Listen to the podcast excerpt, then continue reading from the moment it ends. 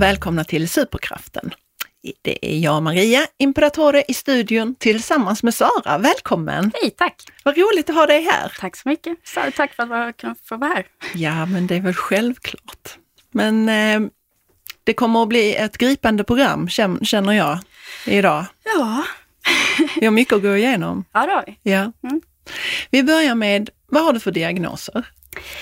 Jag eh, fick min eh, jag fick min eh, ADHD och eh, då var det cyklotomi-diagnos när jag var 16 tror jag. Eh, och cyklotomi är en systerdiagnos till bipolär som, ja, jag har inte så bra koll på den, men den, utvecklas ofta till bipolär, vilket den har gjort nu. Så ehm, Ja, de fick jag när jag var 16. Jag fick min eh, dyslexidiagnos när jag var ja, åtta kanske. Mm. Eh, och eh, ja, det är det. Det är det du har? Ja, nej det har jag inte. Nej, inte det. Eh, sen har jag ehm, eh, borderline också. Ehm, som nu heter ehm, eh, um, personlighetsstörning, tror jag det mm. heter. Mm. Ja. Och detta har du haft hela livet, vad du har känt? Ja. Men du har fått diagnoserna senare ja. i livet. Hur har det påverkat dig? Ja, eh, det, det började ju eh, när jag var fem sex. Mm. Eh, fick jag eh, väldigt problem med eh, panikångestattacker. panikångestattacker. Mm. Eh, det visste jag inte då. Jag hade ju ingen koll på vad det var. Men, eh, men det påverkade ju mig väldigt mycket. Eh, och speciellt som att jag inte visste vad, vad det var. Jag visste bara att när som helst kommer det kännas som att jag håller på det eh, och jag vet inte varför. Ehm, så. Eh, och anledningen till att jag fick mina diagnoser så sent, eh, det var nog för att eh, allt alla, alla satte allting på min dyslexidiagnos. Att liksom att, ja men det är inte så konstigt att hon går så här för att eh, hon har så svårt i skolan och det, eh, jag var också eh, väldigt eh, utanför eh, och så. Så att, eh, ja de satte väl att, att ja men det, det är inte så konstigt att hon, att hon mår dåligt på grund av att hon ja, inte kan läsa i skolan och kan inte, hon är eh, har inte så många kompisar och så. Mm.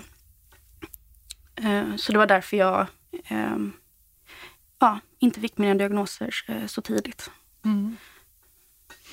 Och då har du hur har, du, hur har det sett ut? Har det varit en, en turbulent skolperiod? Eller det har varit en tyst tjej som ja. har gått igenom skolan Ja, alltså jag gick ju Montessori eh, från eh, förskolan till, mm. eh, till sexan. Ehm, och det var ju inte riktigt för mig. Ehm, alltså idén var väl att, att jag skulle kunna eh, få en lite friare skolgång eh, där jag skulle kunna ehm, få den hjälpen jag behöver eh, utan att behöva gå på alla lektioner och så, eftersom att det inte finns några lektioner. Um, men det kräver också väldigt mycket självdisciplin uh, och att man uh, ja, tycker om skolan lite grann uh, och känner att man vill göra skolarbetet.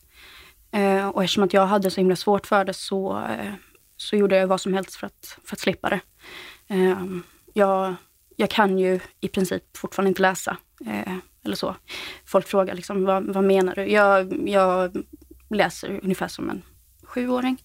Jag får liksom bokstavera mig fram. Jag kan läsa sms och så, men när det, när det blir mer än så, så, så blir det liksom, blir det inga ord längre. Det bara, bara blir en bokstäver som inte betyder någonting. Liksom. Mm. De flyttar på sig och ja, håller på. Men du har ändå klarat att gå igenom hela skolan ja. med gymnasie och allt? No, ja, jag, eh, jag eh, fick sluta i, eh, mitten av tvåan. Mm. Jag, fick, jag, fick, eh, jag gick först eh, musikspets eh, i ettan. Sen fick jag eh, eh, byta därifrån eh, för att jag inte hade gått på några lektioner i princip. Så då hade jag kanske hälften av mina betyg därifrån och sen fick jag börja om ettan i, eh, på Drottning Blanka på eh, makeupartistutbildning. Eh, så där gick jag ettan igen och sen så efter halva tvåan så, så hade jag för mycket möten på vuxenpsykiatrin och på så, så att jag hann liksom inte med. Jag, jag kom efter i skolan Mm. eh, hur mycket jag än försökte för att jag behövde gå på, på möten under skoltid hela tiden. Och så ser det ju ut Mm. För barn och ungdomar, att det är väldigt mycket möte plus att man ska hinna med skolan i sig. Mm. Hur upplever du skoltiden? Hur eh, upplever du, för det är ju inte bara med möte utan Nej. det är med, som du säger att du inte hade kompisar, sen Mm. blir det kanske lite konflikter med lärare och så blir det konflikter med föräldrar. Ja, Och så blir Nej, det, fruktansvärt. Mm. eh, helt, helt fruktansvärt. Jag, jag hatade skolan. Eh, jag, ehm, jag gjorde vad som helst för att inte behöva gå i skolan. Jag, ehm, ehm, alltså, det var ju så eftersom att det är många lärare som inte hade speciellt bra koll på dyslexi. Jag har ju fått, jag har fått förklara dyslexi för, för många lärare. De har inte vetat vad det var för något. Ehm, så, alltså, jag har ju, de har ju försökt. Eh, så, men om man sätter mig, de har ju liksom försökt få mig att vara med så mycket som möjligt i, i vanliga skolgången. Så att, eh, vilket har gjort att jag också blivit väldigt utsatt. Eh, för att om man sätter mig i en grupp att göra ett grupparbete med de andra barnen eh, så kommer ju, så kommer ju de vara väldigt eh, taskiga och arga för att jag inte kan göra mitt skolarbete. Jag kan liksom inte, eh, om, jag ska, om jag ska hjälpa till att läsa och skriva och så, så, så kommer jag inte kunna göra det och då kommer jag, då kommer de liksom tycka att jag inte drar min vikt och, eh, och kommer bli taskiga. De visste ju inte heller, de, alltså, de trodde väl att jag var lat liksom, och inte ville göra mitt skolarbete. Så att, eh, eh, och till slut så tror jag att eh, folk trodde att, att jag var lite korkad. Eh, så. Eftersom att folk inte visste vad det var så, så tänkte de att äh, men hon kan inte läsa, hon måste alltid, vara på, hon måste alltid ha eh, extra lärare med sig och hon, eh, hon är nog lite, lite, lite korkad. Eh, och, eh, och det har jag också fått jobba med med, eh, med lärare, att eh, de har börjat prata med mig som, som om jag är ett litet barn. Eh, liksom, för att prata väldigt långsamt och så, så att jag ska förstå. Och det har ju aldrig varit problemet att jag inte har förstått eh, så, utan det är bara att jag eh, har väldigt svårt för eh, läsa och skriva. Mm. Och eh, också då sitta still och koncentrera mig eftersom att min, eh, eh, min ADHD. Mm. Och då kan jag ju också tänka med att det är inte bara dyslexin utan det är ju med dina andra diagnoser också. Och deras stora hinder och jobbigheter som ångest bland annat och allt annat i, som du måste kämpa med varje dag. Mm. Hur såg en, en dag ut med dålig mående om vi inte ser till skolarbetet? För att det är ju det, det, har man inte ha- lidit av eh, psykisk ohälsa själv eller gått igenom en eh, gått igenom ångest, Mm. panikångest, så vet man ju inte hur en kropp reagerar och Nej. ett huvud reagerar. Hur såg en dag ut för dig? Alltså, jag eh, kommer inte ihåg speciellt mycket från min eh, låg och mellanstadiet. Eh, jag, alltså, jag, jag kommer ihåg att jag, eh, jag, jag, hade, jag hade så mycket problem med panikattack och också eh, då förväntansångest. Eh, för att jag, liksom, jag, var helt, jag var helt beredd hela tiden på att snart kommer det.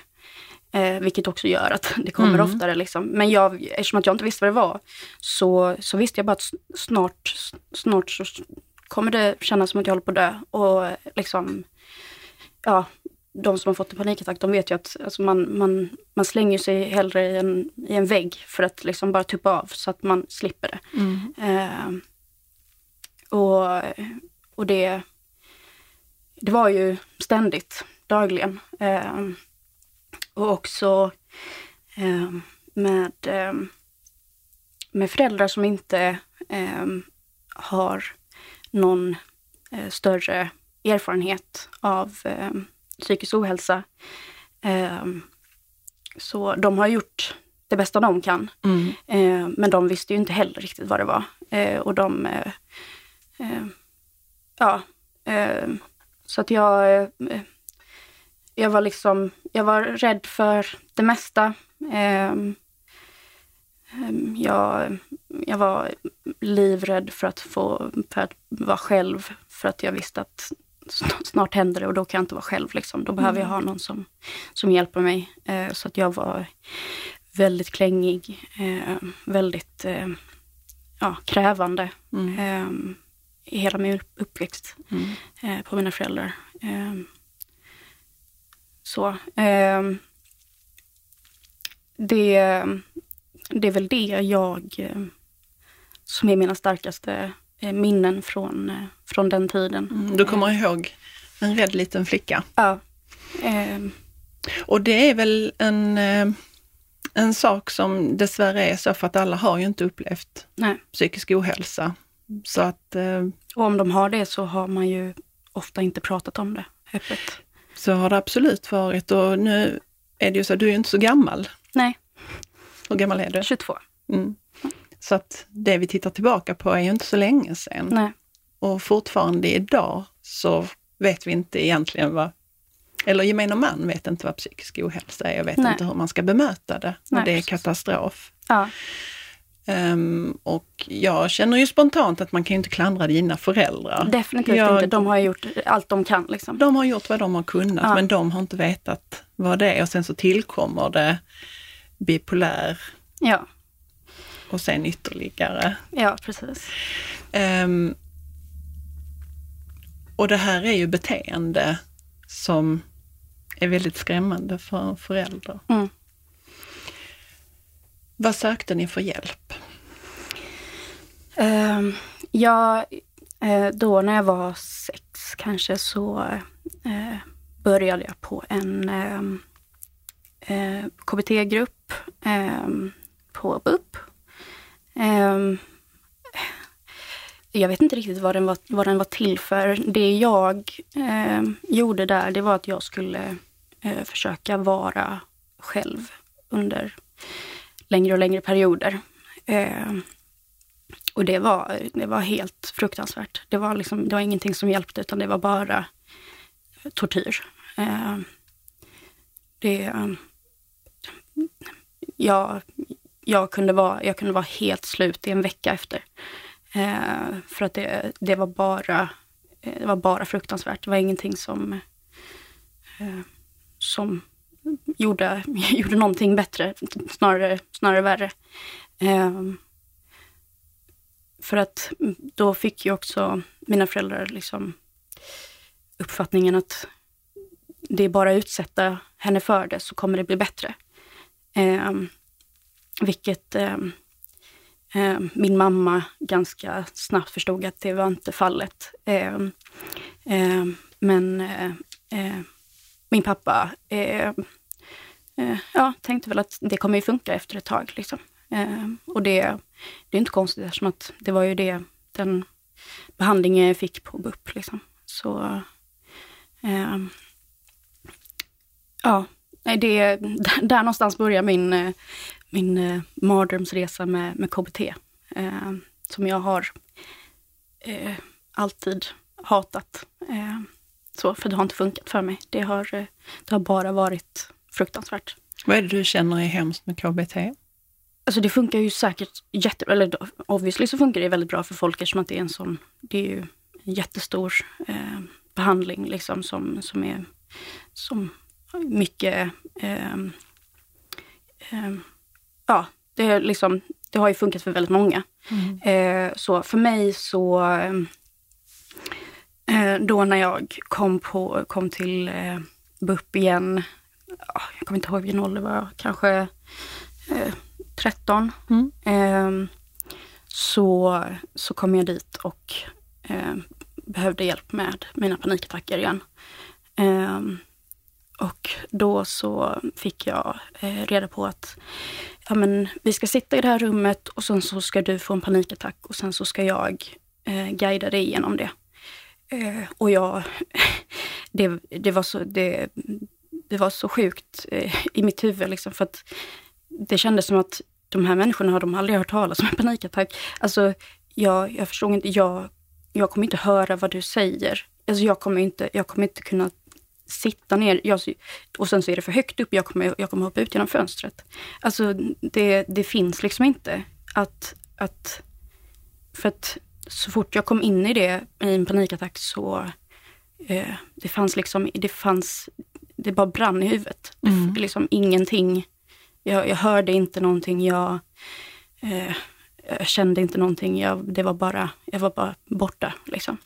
Eh, och sen så Sen har jag också alltid haft en, eh, en eh, röst i mitt huvud eh, som heter Bengt. Mm som också eh, liksom blir väldigt högljudd under de eh, perioderna. Och jag hör liksom inget annat. Eh, så att, så att det, det, det fanns liksom inte på, mig, på min karta. Så att, eh, så då så då fick jag då fråga, liksom, finns det inte något annat sätt att göra detta på? Så nej, eh, ingenting som, eh, som man vet funkar. Eh, så, så då så fick jag börja medicinera för att jag skulle kunna sitta där och, eh, och få en panikattack.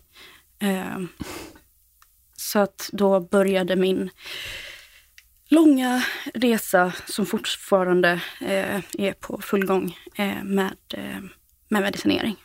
Mm. Eh, det började väl med någon med Atarax och Lamotrigin och sånt som är lite ångestdämpande. Eh, kom upp till eh, många, många, många byten med antidepressiva, bensodiazepiner. ja, starka beroendeframkallande mediciner. Och jag vet inte, jag antar att jag förväntade mig någon slags mirakelpiller eh, där, liksom, där det skulle släppa eh, allting. Det skulle bli bra. Um, och det, det fanns inte. Um, så då um, fick jag en toppen idé att jag skulle börja självmedicinera. För jag tänkte också så att, ja men nu har jag ju fått utskrivet benzo. Det kan ju inte skada om jag börjar röka cannabis. Eh, för att det är ju inte beroendeframkallande, tänkte jag. Eh, vilket det är. Mm. Speciellt om, alltså, jag, jag är en väldigt, jag har en väldigt beroende, jag har en stor beroende problematik. Eh, jag blir beroende av allt som är lite ångestdämpande. Ja. Liksom. Eh, för att vad som helst som funkar eh, klamrar jag mig fast vid. Liksom. Mm. Så jag blir beroende av människor, mat, ja, mediciner, droger då mm. speciellt. Ehm, ja, så där, där, där hittar jag min, mitt mirakel. Mm. Och då är du i ålder? Där gick jag i ettan, mm. tror jag. Så var man då 16. Du är 16 ja. ja. Och då har du varit i BUP i många, många år. Ja. Och det är ingen som har lyckats hjälpa dig. Nej. De, du har, de har varit... ju försökt det, men, de, men ja. de har liksom inte... Försökt på ett väldigt konstigt sätt om jag får säga. ja. De har suttit och tittat på dig när du har fått dina ångestattacker. Ja försökt guida mig igenom men mm. inte, liksom, inte förstått att nej, men det, här, det här går ju inte, det, det, det hjälper inte. Mm. Eh, utan eh, för att det skulle hjälpa så, så har man proppat i mig mediciner. Liksom. Mm. Och då provar du cannabis mm. som du tror är jättebra. Och det var det. Och det kändes det i början? Underbart var det, mm. fantastiskt. Eh, I kanske ja, ett år var det fantastiskt. Det var liksom må bra eh, på fem minuter och så mår jag bra i en timme. Underbart. Eh, kunde vara ute, vara med människor, ha ett socialt liv. Eh, inte jättebra för skolgången, eh, men jag kunde i alla fall vara där. Eh, vilket var ett steg i rätt riktning. Eh, för annars att du bara är hemma ja. och hade ångest? Ja. Du klarar inte av att Nej, träffa jag människor? Blev sjuk. Jag blev, jag blev, alltså om jag inte, alltså jag, min, jag, jag får ju väldigt fysisk ångest också. Alltså jag, det sätter sig, jag var ju ett magbarn. Mm. Jag, hade, jag hade ont i magen mm. ständigt. Mm. Uh, så att jag blev ju sjuk, alltså fysiskt också. Liksom. Uh, så nej men det var, det var toppen. Det här var en öppning, att ja. komma ut. Ja. Mm eh, underbart. Tänkte att nej men nu, nu släpper det. Mm. Eh, tills det, ja, det blev ju inte, det blev inte alls bra. alltså, ja, jag, jag har inga pengar. Liksom. Eh, det behöver man om man ska, mm. om man ska ha ett missbruk. Pengar behöver man och sen så behöver man ju sin kropp och sin hjärna. Ja. Um, man behöver andra redskap än narkotika på ja. det viset. Ja. Men visste dina föräldrar om detta? Nej. Nej. Du klarar att hålla detta hemligt? Ja. Mm. Ja, det, det var ju verkligen eh, någonting jag inte ville att de skulle veta. Eh, av förklarliga skäl. Men kanske människor runt omkring trodde att du mådde bättre? Ja. ja. Det gjorde jag också. Mm, ja. Eh, När du tog det ja. ja mm. eh, så. Eh, och sen så, sen så var det också så att eh, jag har ju bott med, med min mamma i princip eh, ja, sen jag var liten. Mm. Ehm, så att eh, hon, hon har ju också hon har kämpat så mycket för att få, liksom, få mig igenom min skolgång.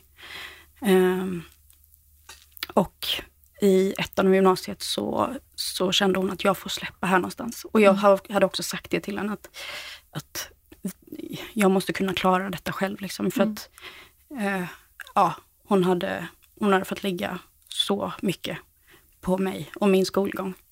Eh, så, att, eh, så att hon fick, eh, hon fick sitta lite på, på händerna där och, mm. och eh, känna att ja, men nu, får, nu får hon klara detta själv. Mm. Eh, och hon såg väl ganska direkt att det går inte jättebra. Eh, men, eh, men hon tänkte att det, får hon klara själv. Liksom. Vilket jag hade bett henne om. Så, att, mm. så är det ju många gånger. Har du utsatt dig själv för fara eller har du hållit dig lugn under din tid? Ehm, som missbrukare. Mm. Ja, och även innan du kommer in på det, på eh, narkotika, alltså den illegala narkotika. Ja, precis. Eh, nej, jag var ingen eh, risk-taker liksom. Jag nej. var rädd för allt. Eh, så jag, eh, jag var väldigt arg. Ehm, så lite eh, stöddig. Eh, så, men jag var inte nej, jag, jag var väldigt ångestladdad liksom. Mm. Eh, och eh, tog inte risker i, ja, i onödan. Eh, så. Hur visade sig din bipolaritet? Hur hade du dina skor?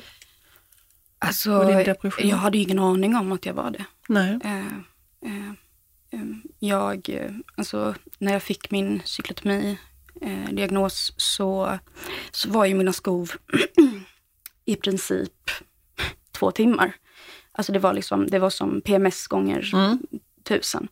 Eh, det, var liksom, det var upp och ner, upp och ner, upp och ner. Och jag, eh, det var fruktansvärt eh, eh ja, draining. Liksom. Det, det, det var väldigt svårt att, att, leva med. Och där, där eh, funkade ju eh, narkotika väldigt bra på mm. att stabilisera det. Men hur blev du? Blev du glad eh, ja. kreativ. Ja. Så. Eh, social, mm. trevlig. Ja. Eh, så. Hände mycket. Ja. Mm. Mm. Um. Och sen därefter gick du ner i depp? Ja, mm. ja det, alltså, efter ett tag så, så kunde jag i princip inte andas utan det. Liksom. Eh, jag, eh, jag var totalt livrädd för att inte eh, ha narkotika i mitt, alltså om, om, om det var slut eller om det, om det höll på att ta slut. Så det, alltså, de panikattackerna är ju, var fruktansvärda. Mm. Eh, så, att, så att jag blev ju jätteberoende eh, på grund av att jag var livrädd för att fejsa mina, mina känslor mm. eh, som nykter. Liksom. Mm. Så hur kommer vändningen sen då? Att eh, verkligen ta steget och, och, och, förstå att det här håller ju inte längre. Att det här var inte så bra som jag trodde. Det visste jag en lång, lång period eh, där jag kände mig helt maktlös eh, mm. över att det här, det här kommer det här kommer, det kommer vara så här i mitt liv nu. Mm. Eh, jag, kommer få, jag kommer få leva på detta. Mm. Eh, men till slut, eh, jag kommer faktiskt inte riktigt ihåg hur, hur det gick till. Eh, men eh, mamma eh, kom på mig. Hon gjorde det? Ja. Mm. Vad skönt. ja, verkligen. Mm. Mammor är bra. Ja, mm. bäst är de. Eh, Pappor också. Ja. Men ibland så jobbar de i det dolda, men de ja, är bra nej, han, ändå. Ja. Alltså jag, jag levde inte med honom eh, under den tiden, så det hade ju varit svårt för honom att, ja. Ja. att, att förstå det. Men nu fokuserar vi på mamma. Ja. eh, men ja, hon, hon, eh, hon kom på mig eh, och ja, jag, jag liksom kände att jag, jag måste få hjälp med detta. Eh, men jag visste inte om det var möjligt. Eh, alltså jag kände att jag vill ha hjälp, men jag vill inte leva utan det här. Liksom. Mm. För det här är det som håller mig vid liv. Ehm, så att ehm, jag gick i alla fall med på att eh, försöka kolla lite efter ehm, behandlingshem. Mm. lite livrädd och lite motvilligt. Men men jag visste ändå någonstans att det, det, det är det som måste hända. Mm. Eh, och eh, så hade vi kollat på några eh, och eh, till slut så ehm, hade jag turen att, att hitta eh, några behandlingshem. Ehm, ett behandlingshem som, ehm, som jag skulle gå i ett år. men de hade ganska lång väntetid.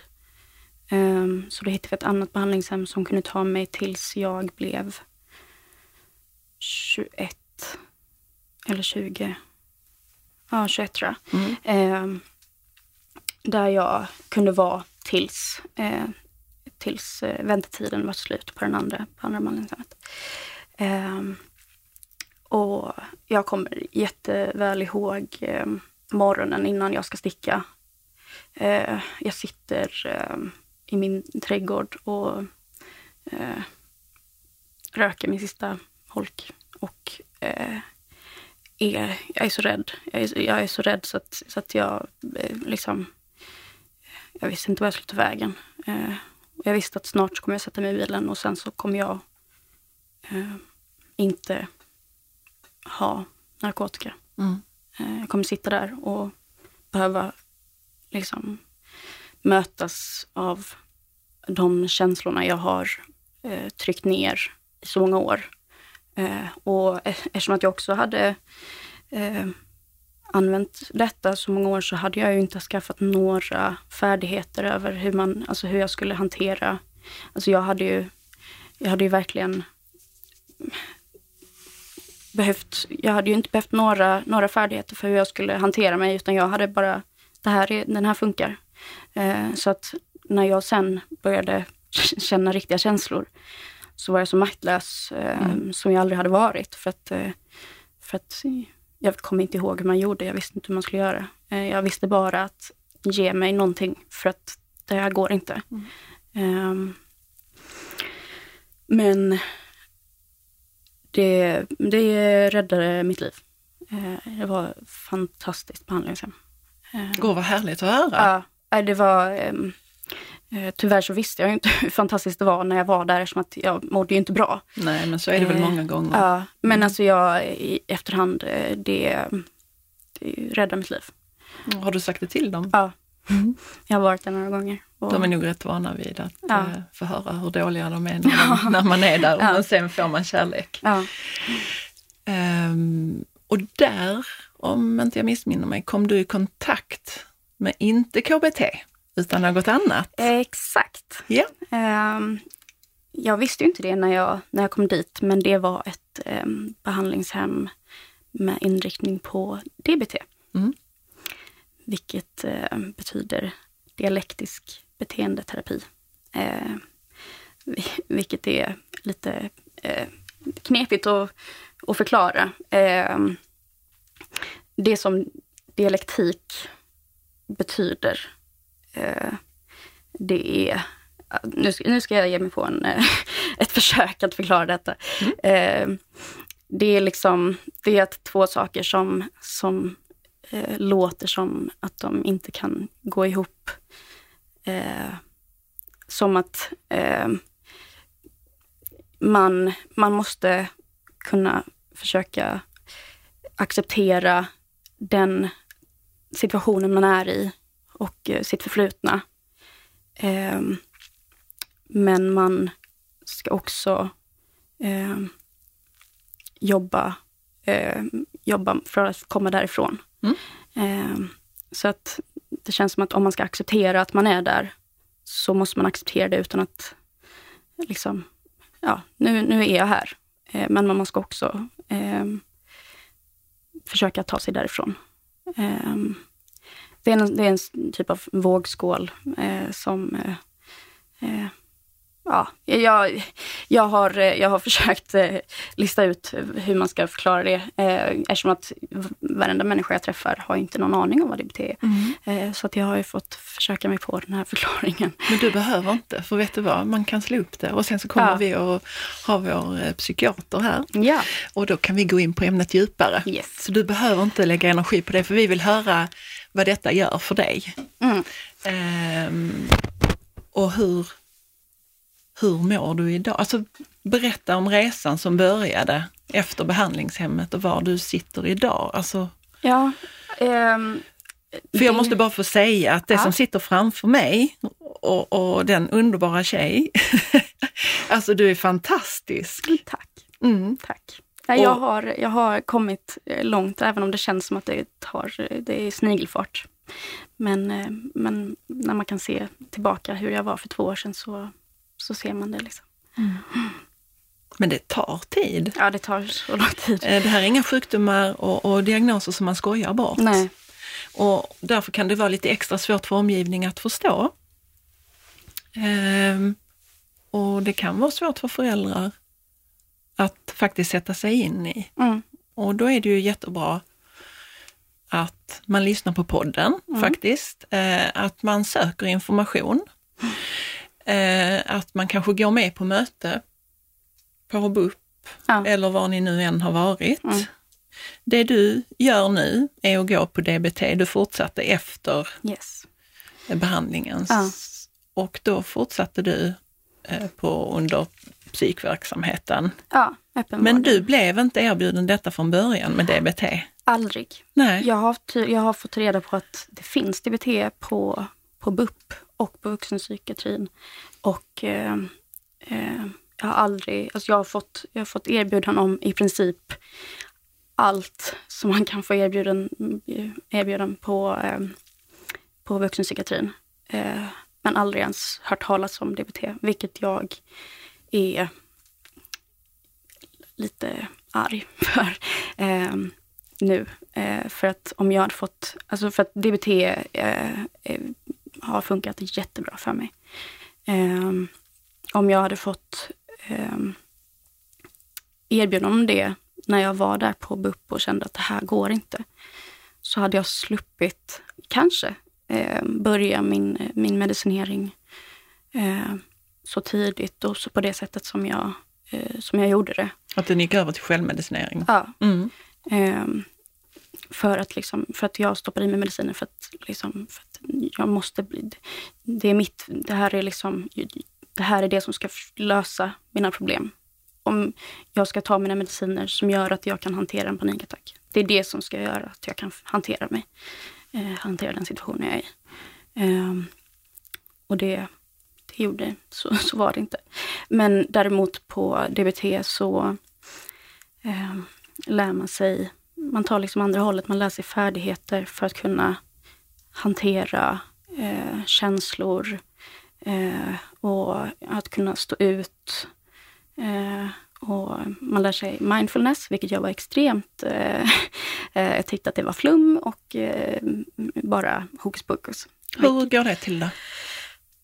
Kan du ta något exempel? Ja, eh, alltså jag fick förklarat för mig att eh, mindfulness, det, det gör man för att man ska kunna eh, man ska kunna rikta fokuset dit man vill. Så att man, om man har en panikattack eller om man får ångest, så om man har tränat eh, mindfulness tillräckligt mycket så har man lärt sig att rikta fokus någon annanstans. Vilket funkar, vilket jag tyckte att... Ta ett exempel. Eh, man, eh, man kan, ja, min, en mindfulnessövning som jag gör ganska ofta, det är ehm, jag, som, jag som gillar trummor. Mm. Eh, jag sätter på en låt och så ska jag koncentrera mig bara på trummorna. Mm. Och jag ska koncentrera mig på det och eh, så som hjärnan funkar så kommer jag fejda bort och tänka på något annat. Eller tänka på texten eller tänka på, eh, där var en fågel eller mm. där. Ja. Mm. och det man ska göra då, det är att så fort man märker det så ska man ta tillbaka fokus till då trummorna eller mm. det man ska koncentrera sig på. Eh, och om man har gjort det tillräckligt många gånger så, liksom, så, så skapar man liksom en, en gång i, i hjärnan eh, som gör att, eh, att alltså, man blir bra på att rikta fokus på det man, man vill och mm. ifrån det man, man inte vill. Eh, vilket gör att man har en helt annan makt över, över sina känslor eh, som gör att man känner sig eh, mycket, alltså man känner sig kompetent eh, och liksom har någon makt över sina känslor. Vilket, ja, liksom hela mitt liv har jag känt mig som att jag bara blir kidnappad av mina känslor och jag har ingen, mm. ingen eh, jag, jag, har ingenting att säga till om. Du har ingen kontroll? Nej. Nej. Eh, och, och det man får lära sig det är att eh, man kan lära sig massa saker som gör att, att jag kan lära mig att att eh, hantera detta. Mm. Och, liksom, och, och det, det tar ju jätt, det är jättemycket, man kämpar jättemycket eh, och man får träna eh, som en dåre. Men, men när, man, när man börjar se skillnaden så, så är det liksom, det, det är helt fantastiskt. Mm. Eh, när, första gången man får ångest och, och, känner att det man har lärt sig, det, det hjälper. Mm det är liksom, det är riktigt sånt halleluja moment. Eh, och, eh, det, det var fantastiskt. Och där någonstans så kände jag att det här är, det här är min, mm. min typ av behandling. Eh, du är fantastisk Sara. Och just att du får känna det här. Det här är ju, det här är ju ett exempel på eh, vad, en, vad vi då kallar normala människor inte ens behöver reflektera Nej. över. För att det är därför de aldrig upplever så stark ångest mm. som man har när man har de här sjukdomar och, och eh, diagnoser. Mm. Så att därför kan man aldrig, man kan aldrig jämföra. Eh, för när de säger att de har ångest, det är inte alls, det går Nej. inte att jämföra. Nej. Så att det du jobbar upp nu, mm. det är ju det som andra föds med. Ja, så de... vilket, ja, det, jag har haft så mycket problem med det. Alltså jag, eh, jag kan fortfarande knappt, alltså jag, jag blir så, jag blir så, ehm, alltså man är ju mycket på sociala medier och man träffar mycket människor och, och ser liksom att det som jag kämpar som en galning för, det är någonting som, som folk inte ens har behövt tänka på. Mm. Eh, och det, alltså, om jag tänker på det för mycket så blir jag, jag blir så här, jag, jag unnar inte någon någonting. Alltså jag unnar inte dig att ha detta jobbet för att jag kämpar, jag kämpar så mycket för att bara kunna försörja mig själv och ha ett Mm. jobb. Mm. Eh, och eh, eh, så. Man måste ju, man måste ju eh, försöka se att den, det som jag har lärt mig och det som jag har gått igenom, det är ju någonting som, det är också en, eh, någonting som det är också eh, liksom, någon har skaffat ett jobb och jag har skaffat liksom en, ett liv värt att leva. Mm. Eh, eh, man kämpar för olika saker och, Mm. eh, och det är inte mindre värt att, eh, att, att lära sig att, att leva med, med, sina, med sina svårigheter. Verkligen, verkligen inte. Det här är ett enormt stort jobb Mm. och man måste, människor måste lära sig att förstå detta. Det du gör nu, det är att jobba till 100 procent. Din hjärna är helt slut på kvällen när Mm. du går och lägger dig. Mm. För att du måste tänka på allt Mm. som inte någon annan behöver göra. Ehm, Du är fantastisk Sara. Jag skulle Tack. jättegärna vilja att du kommer tillbaka. Jättegärna. Jag vill höra om din resa. Mm. Eh, Och resan fortsätter ju alltid. Såklart. Eh, Det är precis som man tänker, alltså man vill ha quick fix, Ja. men det finns ju inte Nej. till någonting dessvärre. Ja. Medicinering kan hjälpa till viss, viss del, men man måste göra det stora jobbet själv. Ja. Och då är det ju jätteskönt om man har folk runt omkring sig. Mm. Det behöver inte vara många människor, men bara att det finns någon. Ja. Ehm, och jag är övertygad om att du har hjälpt många med Ja. ditt samtal här idag. Förhoppningsvis. Det har du absolut gjort. Det är oftast väldigt enkelt Mm. ehm, att hjälpa, men folk ska göra det så svårt. Ja. Som att sitta och titta på ett litet barn som går igenom panikångest. Ja. Det är svårt. Ja. Gör det enkelt Ja. eh, och, och sluta plåga. Faktiskt. Ja. Du är fantastisk. Tack så. Eh, tack för att du kom hit. Ja, men tack och jag vill se dig snart igen här. Ja, Tack så mycket. tack så jättemycket.